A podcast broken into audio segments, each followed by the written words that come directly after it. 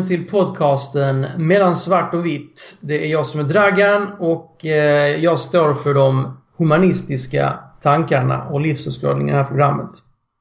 Och det är jag som är Thomas och är den tvivlande kristne och skeptikern och har huvudbry kring de sakerna. Ja, nu är det avsnitt 10 Thomas. Det är lite speciellt. Det är det. Det är jubileum. Mm. Då får vi blicka tillbaka lite tycker jag och se vad vi har åstadkommit och kanske ta upp lite saker som eh, våra tittare har tagit upp. Tittare? Eh, har du någon som tittar genom lyssnare, lyssnare, lyssnare. Såklart. Trodde du att det skulle bli tio avsnitt när vi eh, satte igång eller? Jag trodde faktiskt det. Sen, men jag visste ju inte hur många lyssnare vi skulle få. Eh, men det har ju blivit några stycken. Absolut. Vi har ju passerat nu 500 lyssnare som har laddat ner mer än ett avsnitt. Mm, det är inte dåligt. Det är ju himla kul. Om det, det är mycket eller för. lite i poddsammanhang har jag ingen aning om, men det är, jag är väldigt nöjd. Ja, jag också. Och eh, jag vet inte vad, vad tycker du har varit bäst eller mest intressant så här långt? Jag tycker vi har haft rätt så meningsfulla samtal, både mellan varandra och med de gäster som vi har haft. Skulle jag säga. Mm. Och ehm, ja, nej, vi har ju fått lite feedback och eh, folk gillar ju det vi håller på med. Det verkar så. Mm. En del i alla fall. Ja. jag vet inte om det är någon som hatar det vi håller på med. Det är ingen som hört av sig än. Nej, vi har inte fått något, eh, något hot än så inga, länge. inga hot och inga hatmejl. Nej, så det får vi vara glada för också. Och det har till och med börjat trilla in eh, recensioner på iTunes, vilket vi är väldigt lyckliga över. Ja, det var sju stycken sist jag kollade. Precis, vi har Filip, Cankane, Carolina C, O. Johannes, Slemstrand, Johan L. Vi gillar mm. er. Ja, vi tycker ni är fantastiska. ja, nej, men så all feedback som kommer läser vi och vi blir väldigt glada för allting. Finns det något avsnitt eh, som du tycker är speciellt bra? Jag vet inte, jag tycker det, det känns ju som vi har blivit lite varma i kläderna och... Folk har ju också sagt det här att du har blivit bättre och bättre för varje avsnitt. ja, jag har lyssnat tillbaka på det första avsnittet och kan ju dels skylla lite på att jag var kass i halsen då, men det kändes väldigt fumligt och stammande. Och... Yes, men någonstans kan man ju börja. Det viktiga är att man får tummen ur och gör någonting, tycker jag. Absolut. Eh, och eh, sen tycker jag väl att det är ju intressant, tycker jag, att prata med människor som har olika övertygelser. Och för mig då med frikyrklig bakgrund så tyckte jag det var intressant att prata med Mattias Everborn om tungotal och demoner. Två kanske perifera delar av kristen tro men de kanske ändå har haft funderingar och frågetecken. Mm. Tycker även att samtalet här mellan Jakob Ståhle från Ateistbibeln och Stanley Sjöberg var intressant. Mm. Eh, gav mer smak tycker jag. Mm. Och det är ju även fler som har sagt att de gärna skulle vilja höra mer av det. Och Stanley vill ju också träffas, eh, kanske till hösten i Göteborg då, så att då kanske vi får möjlighet att spela in en del två. Mm. Jag, ty jag, tyckte nog att, eh, om jag ska ta någonting jag tyckte var eh, rätt bra. Jag tyckte om det här avsnittet där man, eh, vi diskuterade om man ska provocera fundamentalister. Mm. Och sen gillade jag även det här, men är människor djur? Där har jag fått en hel del hack på mig på Twitter. Ja, precis. Men det har varit kul det också faktiskt. Ja, du har ju diskuterat en hel del där. Ja, jag har ju blivit invigd i Twitter. Precis. Verkligen. men det har varit kul. Ja, nej, det är ett väldigt bra sätt att diskutera och eh, jag tänker att vi kanske kan eh, lyfta in det ännu mer inför avsnitten, att innan avsnitten börjar prata om frågor som kanske ska ta upp och sen kan diskussionerna fortsätta efter. Varför? Eh, jag, jag ser också en eh, tendens att folk hellre vill eh, kommentera och kontakta via Twitter än via hemsidan. Jo, så är det väl lite. Det är ju det är mer direkt på något sätt. Mm. Sen vet jag inte. Jag trodde väl kanske att det skulle få lite mer snurr på Facebook också. Jag vet att några avsnitt har blivit delade och drivit en del trafik därifrån. Men ja, är ni inte redan med på vår Facebook-page eller um, gilla den så finns den. Om ni söker på mellan svart och vitt på Facebook så kan ni hitta den så kan ni hjälpa till och dela och sprida de avsnitten som vi kommer med framöver. Jag tror det kan vara ett bra sätt att hitta nya lyssnare också som kanske inte är med i den här lilla ankdammen som finns på Twitter. Det är i och för sig en damm som blir större och större. Mm. Så är det. Det var den lilla tillbakablicken. Då tänkte jag gå vidare till ett av eh, ämnena som vi ska ta upp idag och som jag även har twittrat ut lite tidigare i veckan. Mm. Och där jag ställde frågan Går religion och demokrati ihop? Och jag skulle vilja börja med att göra ett litet uttalande som jag brukar göra ibland och avsluta med en fråga till dig Thomas. Okay. Och sen eh, tar vi det därifrån, helt enkelt. Yes, kör ja, hårt. Jag kör hårt här nu. Jo. Gud är en diktator. Man gör som han säger, annars så går det åt helvete. Detta genomsyras i alla skrifter i de tre stora religionerna. För att nämna ett färskt exempel för oss. Stanley sa det till exempel vid flertalet tillfällen i avsnitt 8. Om man går till Jehovas vittne till exempel, de ser ju Bibeln som en instruktionsbok. De uppmanar även sina medlemmar att inte rösta. Men visst, Jehovas vittne kanske är en sekt. Men de flesta, om vi tar Islam då, så är de flesta muslimska länder diktaturer. På samma sätt som de flesta länder för hundra år sedan var diktaturer. Inklusive Sverige. Då hade kyrkan en större roll eller makt i samhället. Men människor då som tror på en gud som är en diktator, hur får man ihop det med ett demokratiskt samhälle? Hur får man ihop det med en demokrati? Vad säger du Thomas? Hur får du ihop det? Ja, om man ser på religion, visst man kan se det som att det finns en gud som straffar och belönar enligt eget huvud. Mm. Men religion kan ju också vara något helt annat människor som söker Gud.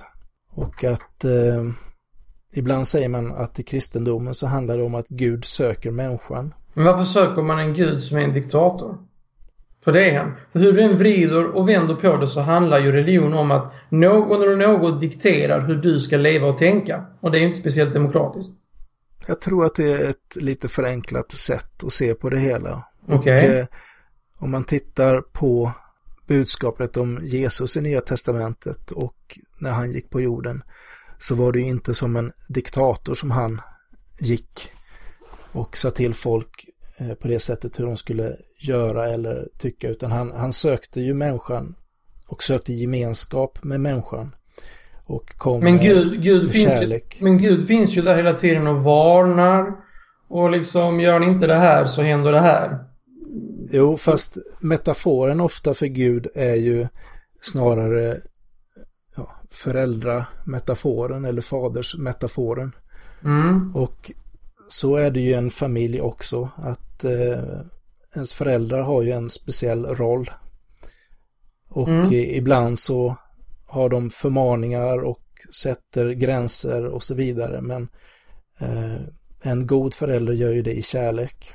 Mm. Och så kan man ju också se på, på guden. Sen så håller jag med dig om att eh, i många samhällen eller religiösa sammanhang så är det en lagbok och det är en hård och straffande gud. Men jag hoppas att den gud som jag försöker tro på, lite haltande, är en annan typ av gud som inte är en diktator utan som är en kärleksfull gud som, som vill ha gemenskap med mig, inte bara att jag ska böja mig för ett gäng lagar eller liknande. Okej. Eh, jag hittade en, ett in, intressant Twitter-konto som heter Atheist Quotes. Mm. At Atheist Q. Om du vet inte om du har sett den på Twitter? Det är möjligt att jag har snubblat över den. Det är ingenting jag följer i alla fall. Mm. Ja, jag, kanske föl, jag, borde. föl, jag följer den från och med igår tror jag. Något sånt. Ja, Jag, där kan man hitta väldigt intressanta citat från ateister då. Mm. Och eh, jag hittade ett här som jag tyckte var rätt kul och som knyter an lite grann till, till det jag sa här tidigare. Det är faktiskt ett citat från Brad Pitt av alla människor. All right. Han säger så här. I don't mind a world with religion in it. What I get hot about is when they start dictating how other people must live. Mm. Vad säger du om det citatet? Ja, men det känns igen väldigt mycket tycker jag av de diskussioner som och samtal som jag har haft med, med många ateister och antiteister. Att det man mycket har emot religion, det är att, att man ser det som något som talar om vad man får göra och inte får göra. Och det, men eh, ger det inte en viss och religion demokratisk anda över det hela? Alltså, tro är ju så mycket mer. Att, sö att söka någonting som är större än en själv är ju så mycket mer än att bara, bara ja, lyda en massa regler. Om det bara är att lyda en massa regler, då ger jag inte mycket för det heller. Men så du menar man kan tolka det lite hur man vill då, så att säga? Att du kanske inte, är, du kanske inte tar upp de här grejerna i, i Bibeln då som, som, som du trycker så hårt på då. Utan du, du, du ser annat som du som värmer mer om hjärtat. Ska man tolka det så? Nej men överhuvudtaget i, i tro eller andlighet så, så finns det ju att man, att man söker någonting större än en själv och, och någon djupare mening med livet eller någonting annat. Och, och det, och, det, och i alla fall för min egen del så söker jag inte svar på alla frågor och ett, en manual för exakt hur jag ska leva. Det finns ju sådana sammanhang där man kan gå in i, eh, mer sekteristiska sammanhang där man verkligen får en handbok och får reda på allting hur det är. Eh, och då kommer man ju in i ett sådant system och det håller jag med om, det är ingenting bra. Men att säga att all religion är på det sättet eller att Nej, all försök till gudsgemenskap på det sättet, då, då tror jag att man, eh, mm. Men att du... man blundar för en rätt stor del av vad Alltså vä vänta nu här. Om. Eh, om du kollar på de här tre stora religionerna då, islam, mm. judendomen och kristendomen, så är de ju uppbyggda på samma sätt. Det är en gud som dikterar. Eh, och, och liksom... Det talas om en gud. En... Ja. Och, och han, han, han, han, säger ju liksom gör det här och det här. Gör det inte det så går det åt helvete. Eller? Det är ju en väldig förenkling. Ja okej okay, men det, det, fram, det framkommer väldigt mycket i, i, i de böckerna. Eller? Håller du inte med om det? Att det är mycket sånt. Eh, vi tog ju även upp det även med, med Stanley Sjö, Sjöberg då i avsnitt 8 där han eh, där det var vissa citat där som han även då kom in. Men det handlar ju om att Gud varnar liksom. Han sa det vid fler, mm. fler, flertalet tillfällen.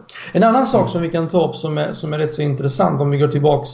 Vi pratade om Christopher Hitchens i avsnitt 1 han ser faktiskt likheter med den vanliga kristna synen på himmelriket och eh, Nordkorea. Där invånarna tvingas dyrka en totalitär ledargestalt. Han ser alltså likheter däremellan. Vad säger du om det? Ja, i min värld så låter det ju lite tokigt. Det är väldigt svårt att se framför sig vad en möjlig himmel skulle innebära. Men är det som Nordkorea då tror jag jag hellre hamnar i helvetet. det är så. Eh, ja, och jag, jag, tror också att finns det en gud som på något sätt har satt igång hela det här fantastiska universat så tror jag också att han har något bättre och, och, mer fantastiskt förberett för sig eh, hos sig i något himmelrike. Och sen vill jag bara återkomma till det du sa innan om Bibeln.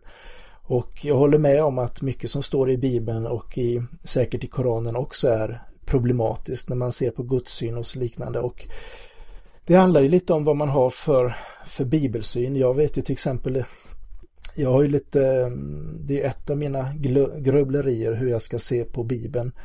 Eh, jag har ju väldigt svårt att få ihop bilden, budskapet om Jesus med Gud i Gamla Testamentet. Det ska jag inte sticka under stol med.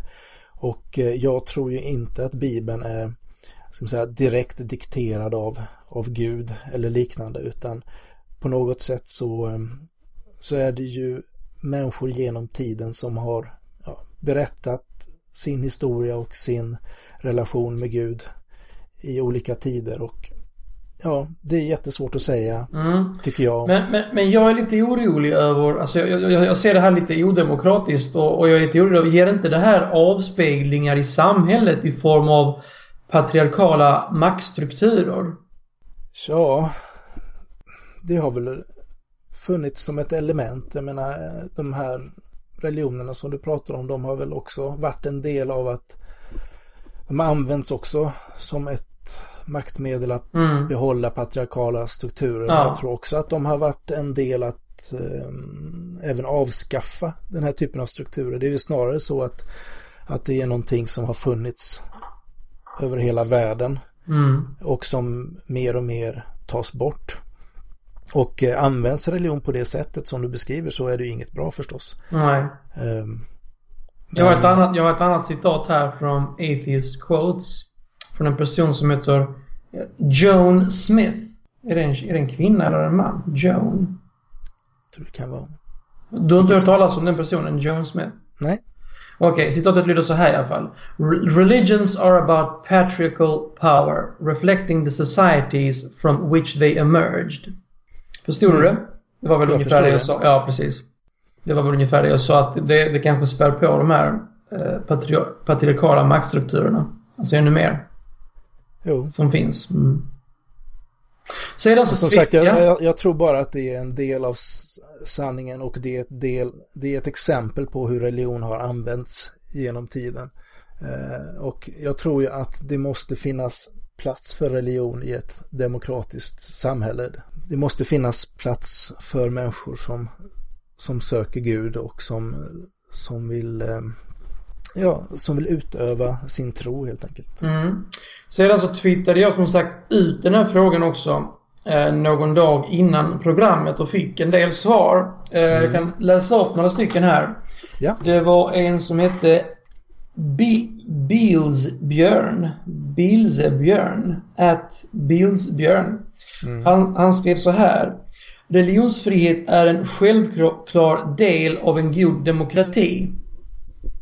Som jag ser det, skrev han. Eh, och det kan ju diskuteras, sen börjar diskutera det här med att man kanske ska låta religionsfriheten ingå i yttrandefriheten. Att man skrotar så att säga religionsfriheten. Eh, för att slippa det här med Åke Green-fallet då som vi har tagit upp vid några tillfällen här så att säga. Och det gick han faktiskt med på. Eh, sen är det ju så att religionsfriheten räknas som en av de mänskliga rättigheterna och är också en del av Europakonventionen. Så att eh, det räknas ju som en, en väldigt viktig del av det fria samhället.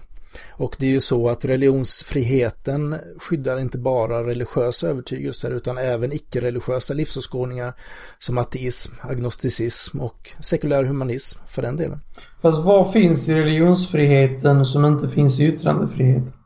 Yttrandefriheten handlar ju bara om vad du får säga jag är ingen superexpert här på religionsfrihet kontra andra regelverk och så vidare men det handlar ju om frihet att kunna utöva din religion.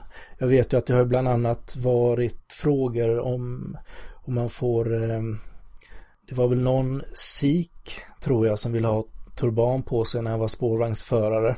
Mm. Eh, och det var ju väldigt viktigt för honom. Det var ju en viktig del i hans religion att kunna ha det.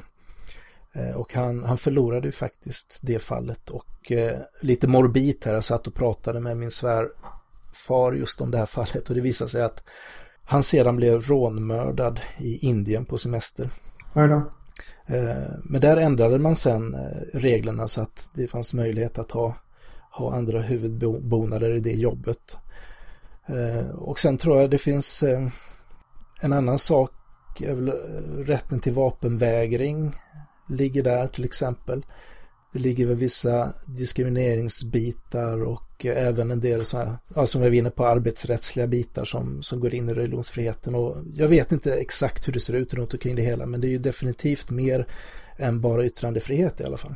Vi kanske ska ta ett avsnitt om det, skillnaderna och liksom penetrera det. Ja, det skulle jag nästan vilja ha, ha med någon som riktigt har koll på det där. För jag vet ju att det är ju med i, i handboken Eh, i ja, det sekulärhumanistiska manifestet att religionsfriheten ska bort. Och jag känner att jag har inte riktigt kunskapen att bemöta det och det, det är möjligt att det är helt rätt. Men jag kan också känna mig, alltså magkänslan känns inte riktigt bra kan jag tycka. Det känns som man kanske på något sätt sakta hyvlar bort eh, olika möjligheter att utöva sin religion. Jag vet inte, okay. kanske är det så, kanske är det inte så. Mm.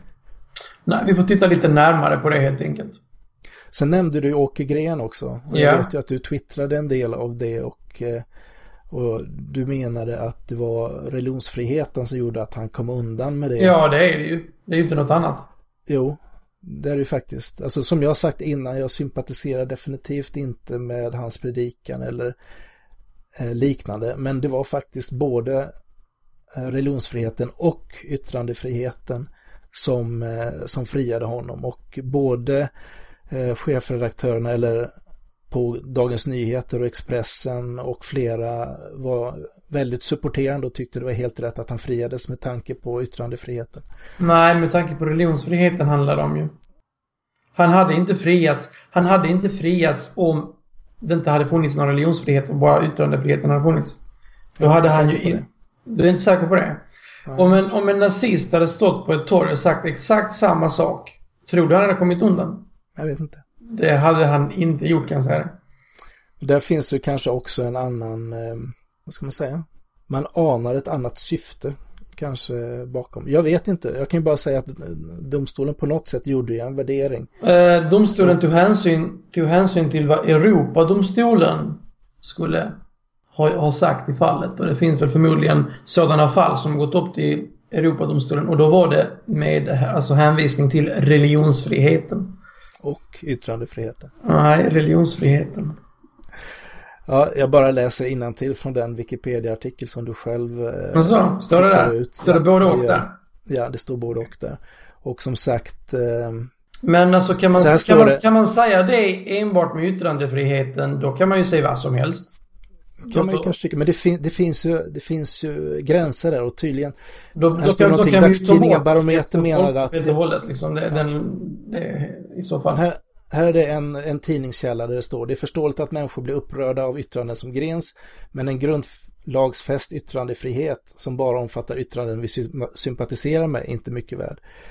Eh, lagstiftningen måste följa principen jag avskyr dina åsikter men jag är beredd att dö för din rätt att uttrycka dem. Poängen här, vad det handlade hela rättegången var ju om hets mot folkgrupp. Ja, precis. Och de, och de menar ju att det inte var hets.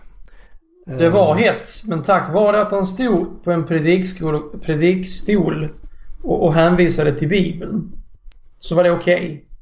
Det är ju det det handlar om. Alltså de tog ju hänsyn till kontexten och det var ju och en del av att det inte räknades som hets. Det var ett, ett litet sammanhang och det var i, i, just, som du säger, den religiösa kontexten. Men det gjorde ju att de inte... Jag tolkar det som kan... att det var hets mot folkgrupp med tanke på men omständigheterna där han var Eh, i, i en talarstol i en, i en kyrka och, och, och, att han kunde hänvisa till Bibeln gjorde att det gick in under religionsfriheten och därmed blev okej. Okay. Jag tror inte det var för att det var inom religionsfriheten som att det blev okej okay, utan för att det var i det sammanhang det var. Men du måste, skulle, han, skulle, han stå, men, skulle han stå på torget och uppvigla folk i någon typ av hets så, eh, men, men så, så var det en sak. Men nu gjorde han en eh, osmaklig utsvävning utifrån bibelställen. Eh, och det är väl en sak. Men de menade väl att ja, syftet och situationen var inte hets. Ja, så i, i den första instansen så var det ju hets. Det dömdes ju så i tingsrätten. Ja, precis. precis. Och sen Men... så friades han i, i hovrätten. Ja. Sen även i Högsta domstolen. Precis. Och Högsta domstolen tog då hänsyn till vad Europadomstolen hade hade, Som sagt, alltså. det här är inget favoritämne för mig överhuvudtaget. Men, Nej, men nu det, jag bara menar att du gör det lite lätt när du bara säger att det är religionsfrihet och att det är ett tecken på att religionsfrihet är dåligt. För att det handlade minst lika mycket om yttrandefrihet. Det tycker du, men där är vi väl inte riktigt eh, överens. och det är möjligt att, eh, att jag är ute och seglar här också. I så fall får ni skicka arga tweets och säga hur det ska vara. Men eh, det var lite när jag skummade igenom och läste här vad jag kom fram till i alla fall. Yes. Har du någonting mer att säga om eh, religion och demokrati? Ja, det kan jag ju konstatera att eh, det finns ju länder som har haft starka förbud mot diktaturer och, eller mot religioner. Och det är ju samhällen som Sovjet, Kina, Nordkorea. Och det är väl inga länder som man har, eh, vill efterlikna. Och eh, jag tror jag läste någonstans här att i 70 procent av världens om det var länder eller befolkning så finns det olika inskränkningar i religionsfriheten. Mm. Där man då kan bli förföljd eller liknande på grund av sin tro. Och där ser jag det som ett, det, det är ett betydligt större problem än att eh, ja, pilla i den svenska lagstiftningen. Men jag har inte sagt att man ska förbjuda den heller, så att säga. Bara, alltså man ska inte förbjuda, alltså religion ska ju finnas. Ja, visst. Men, det blir Men i många samhällen så är ju vad ska man säga, rättigheterna att utöva sin religion försvagad. Eh, och det är ja. möjligt att vi kan ha en lika stark rättighet att utöva vår religion genom att lösa de frågorna på något annat sätt än att ha en eh, religionsfrihetslag. Men eh, det är ju inte bra om vi börjar tumma på religionsfriheten och gå i en helt annan riktning. Det kan jag inte känna att det är något positivt med. Ja, jag står ju för humanisternas förslag så att säga. Att avskaffa religionsfriheten och eh, låta den ingå i yttrandefriheten så att säga. Det är min, det är min syn på det hela. Men som sagt, det är möjligt att vi ska göra en djupdykning där någon gång. Men jag Mm. tror där behöver vi nog lite assistans tror jag. Bara för, jag tror ingen av oss är jurister. Nej, det är vi inte. Eh, eller, eller så.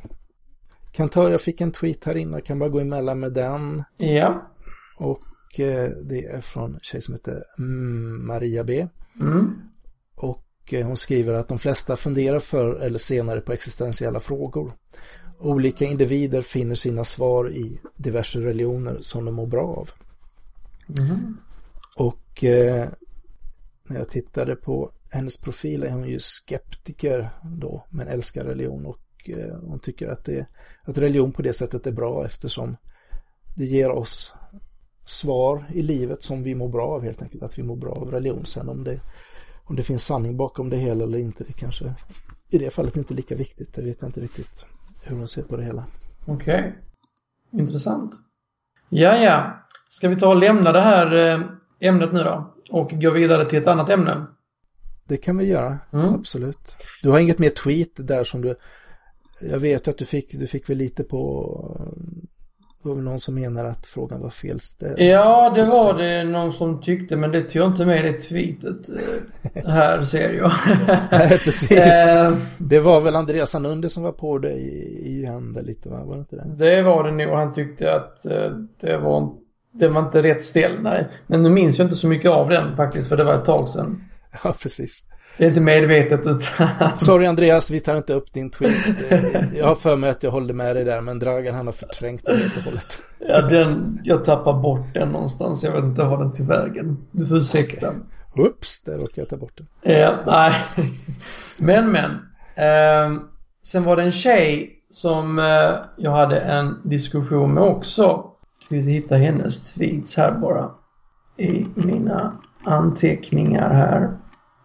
Hon, eh, vi hade ju en diskussion och det slutade med att hon svarade nej på frågan. Kommer jag ihåg. Ja, Hon men där körde du att- lite grensnack här för mig. Vad sa du?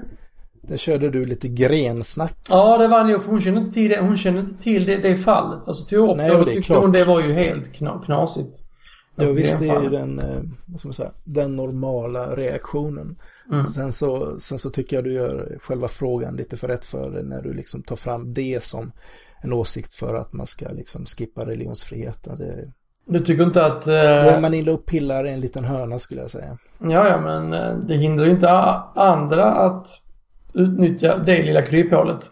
Nej, det Mm. kanske det. Mm. Det är där faran ligger, vet du. Ja, nej, men jag trodde ni pratade, ja, nu sitter jag lite inlägg där med Andreas, det, det var ju att vi väldigt mycket i ett, att man har en demokratisk stat så finns det väldigt mycket i samhället som inte är demokratiskt, som företag och familjer och föreningar och så vidare. Det var ju Pekka som vi Ja, det kanske var. Mm. Pekka Ja, S. At orsak, verkan. Ja, massa Ja, smarta skeptiker-poddare. Mm. Alltså han, han menar, sen hade vi en diskussion, du, du, du läste där familjen och intresseorganisationer. De, Mm. Att de inte alltid är demokratiska. Och det tyckte jag de var. Så vi hade, vi hade en diskussion där också men Ja. ja. Eh, Hade du någonting mer där på? Nej, jag var nog klar. Jag tänkte faktiskt gå över till ett annat ämne och det är mainstream film och religion. Mm. Jag kollade nyligen på de gamla Indiana Jones-filmerna. Yeah. De här från 80-talet då. Och det som, som slog mig, det var, det var väldigt mycket religion. Mm. Jag skulle nästan vilja säga Indiana Jones and the Advertisement of Religion. Skulle man kunna döpa den serien till. För jag, På jag vilket sätt tycker ja, du ja, att det alltså, är tycker reklam för religion då? Ja, alltså, eh, alltså när man tar upp de här grejerna så att säga. Alltså när man tar upp religion i en film. Det blir ju på något sätt reklam för religion. Man kan jämföra det lite grann med vår jingel. Det är ju på något sätt reklam för The Lounge. På något sätt. Jo, förutom att vi eh, inte säger att det är The Lounge, det ska jag lägga till, har jag tänkt mig i slutet. Men eh, absolut, visst är det det. Mm. Eh, är så jag tänker. Men Och alla tre- Jag tycker alla- ändå liknelsen haltar, så jag menar, hur, hur många tror du har blivit judar av att se Nej The men Lost alltså det Ark? handlar inte om att bli någonting. Det handlar kanske om att eh, det handlar kanske om, om att uppmärksamma. Menar du att legitimera? Att ja, legitimera, uppmärksamma liksom. Ja, ja, precis. Nej, men det är väl så här, jag menar, vi har ju en historia, vi har ett kulturarv där religionen spelar en väldigt viktig roll. Eh, de flesta av oss känner till gamla bibelhistorier och så liknande. Så att det är ju, och det finns ju även då en övernaturlig aspekt i det hela, vilket gör det effektivt och kanske kittlande att se på film. Mm. Eh, och eh, vi kan ju ta en, vi kan ta en fräschare film, Da Vinci-koden till exempel. Mm.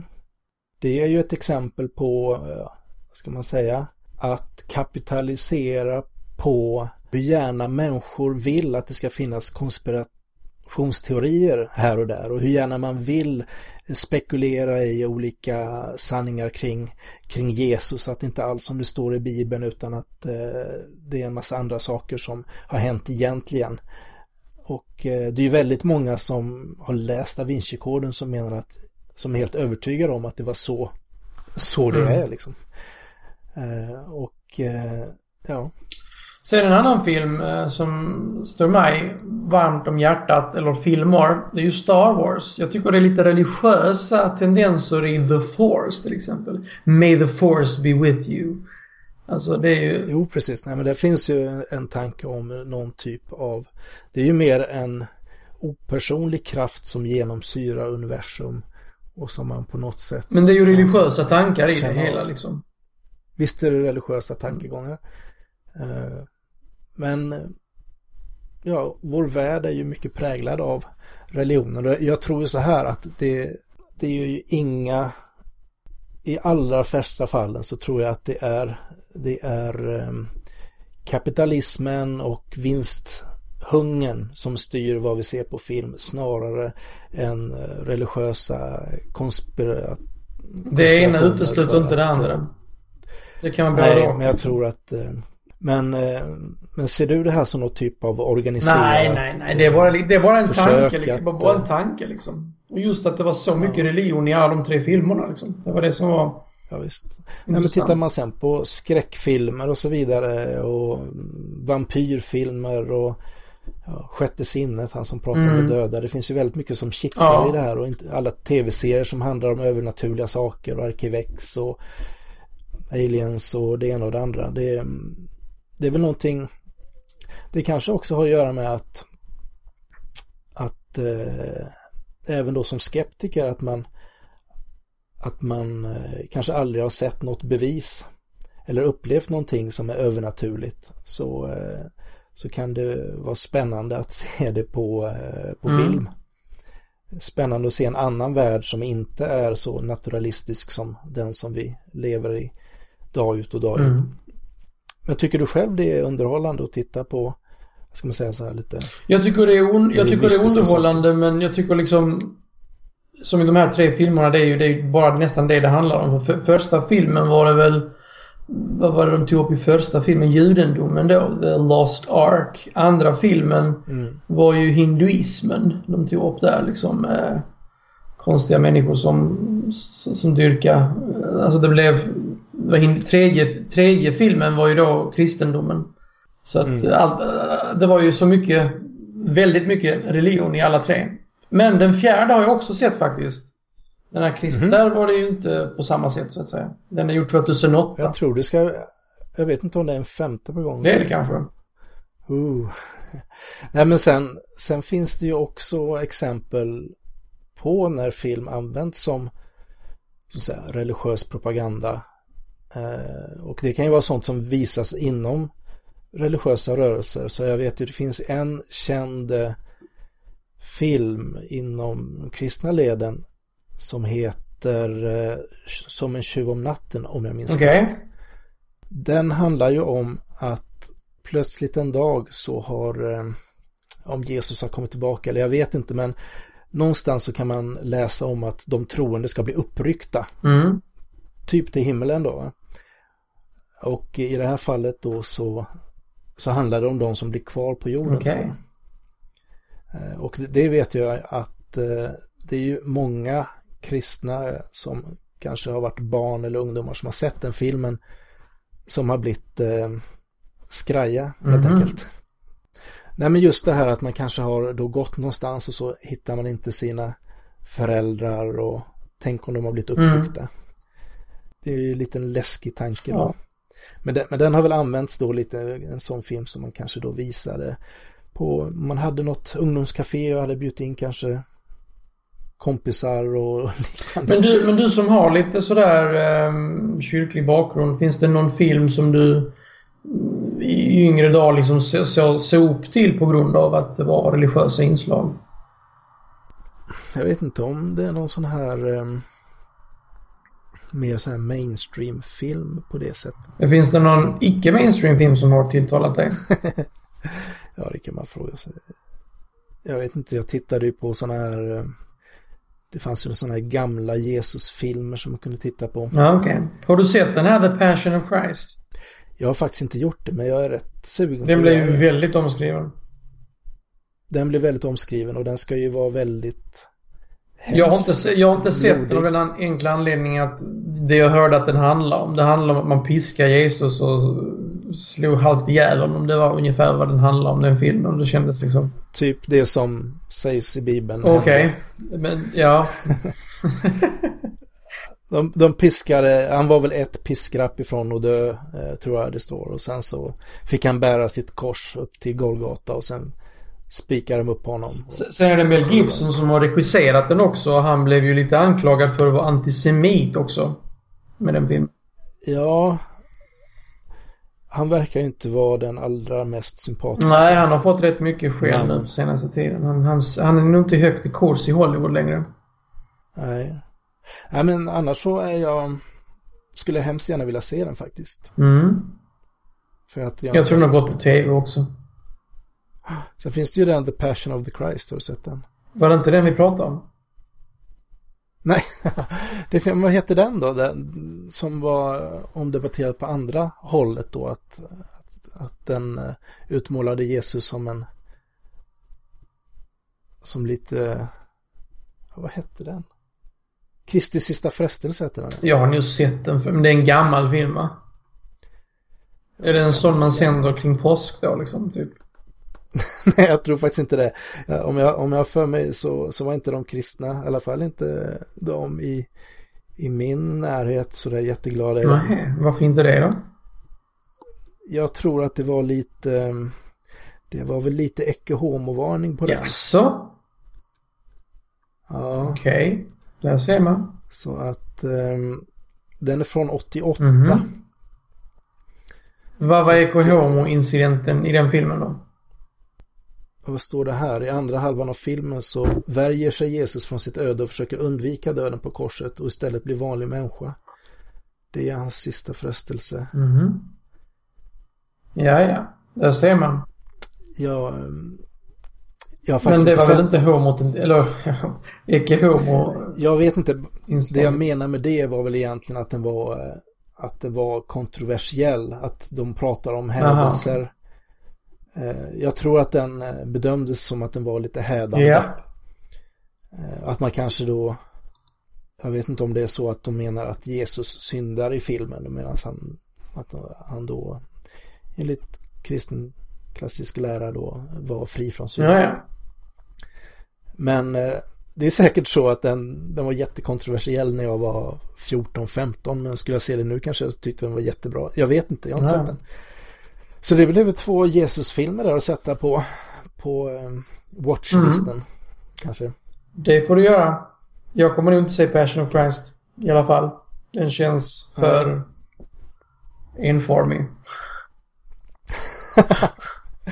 Kanske det. Nej men eh, det är möjligt att jag återkommer när jag Ja, sett filmerna och säger vad jag tycker. Mm, det kan jag göra absolut. faktiskt. Ja, ja. Ska vi ta och runda av nu, eller? Det skulle vi Mm. kunna göra. Jag kom bara att tänka på en sak till. Det var en kompis som sa till mig att eh, även Prometheus eh, som går på bio nu har ju varit tydligen lite omdebatterad på grund av religiösa inslag och det är ju Noomi Rapace eh, den hon spelar då som då är kristen. Eh, men, Den kommer jag dock se kan jag säga. Den kommer jag också se, men jag stryker det här bara för det kan bli en spoiler för filmen. Okej. tror jag. Ja. Om man säger så, det finns de som menar att, att det skulle vara kristen propaganda, men det kanske det inte är om man tänker efter vad filmen Okej. handlar om. Så kanske Ja, man kan ja. säga. Man kan säkert tolka det lite som man vill. Det kanske Ja. man kan göra. Nej, det var avsnitt 10 det. Vår lilla milstolpe. Det var det och vi har faktiskt planerat för ett antal avsnitt framåt här. Lite bokat, lite intressanta intervjuer är på Mm. gång. Både med icke-troende och troende. Vi säger väl inte mer Mm. än det. Det blir en Men, överraskning. eh, Det får bli en liten överraskning. Eh. Mm. Ja, det, that sums it up. Och eh, vi ses, hörs. Ni kommer väl höra oss om en vecka igen. Och det får vi se gör vad det blir då. Helt enkelt. Precis. Men eh, tack för idag och ha en bra vecka. Hej då! Ja. Och glöm inte att skriva en recension på iTunes. Hej då! Du har lyssnat på podcasten Mellan svart och vitt. Och du hittar oss på www.mellansvartovitt.se Kan också mejla oss på känna mellansvartovitt.se På Twitter hittar du oss på svart underscore vitt och vi finns även på Facebook. Sök på mellansvart och vitt så kan du följa oss där.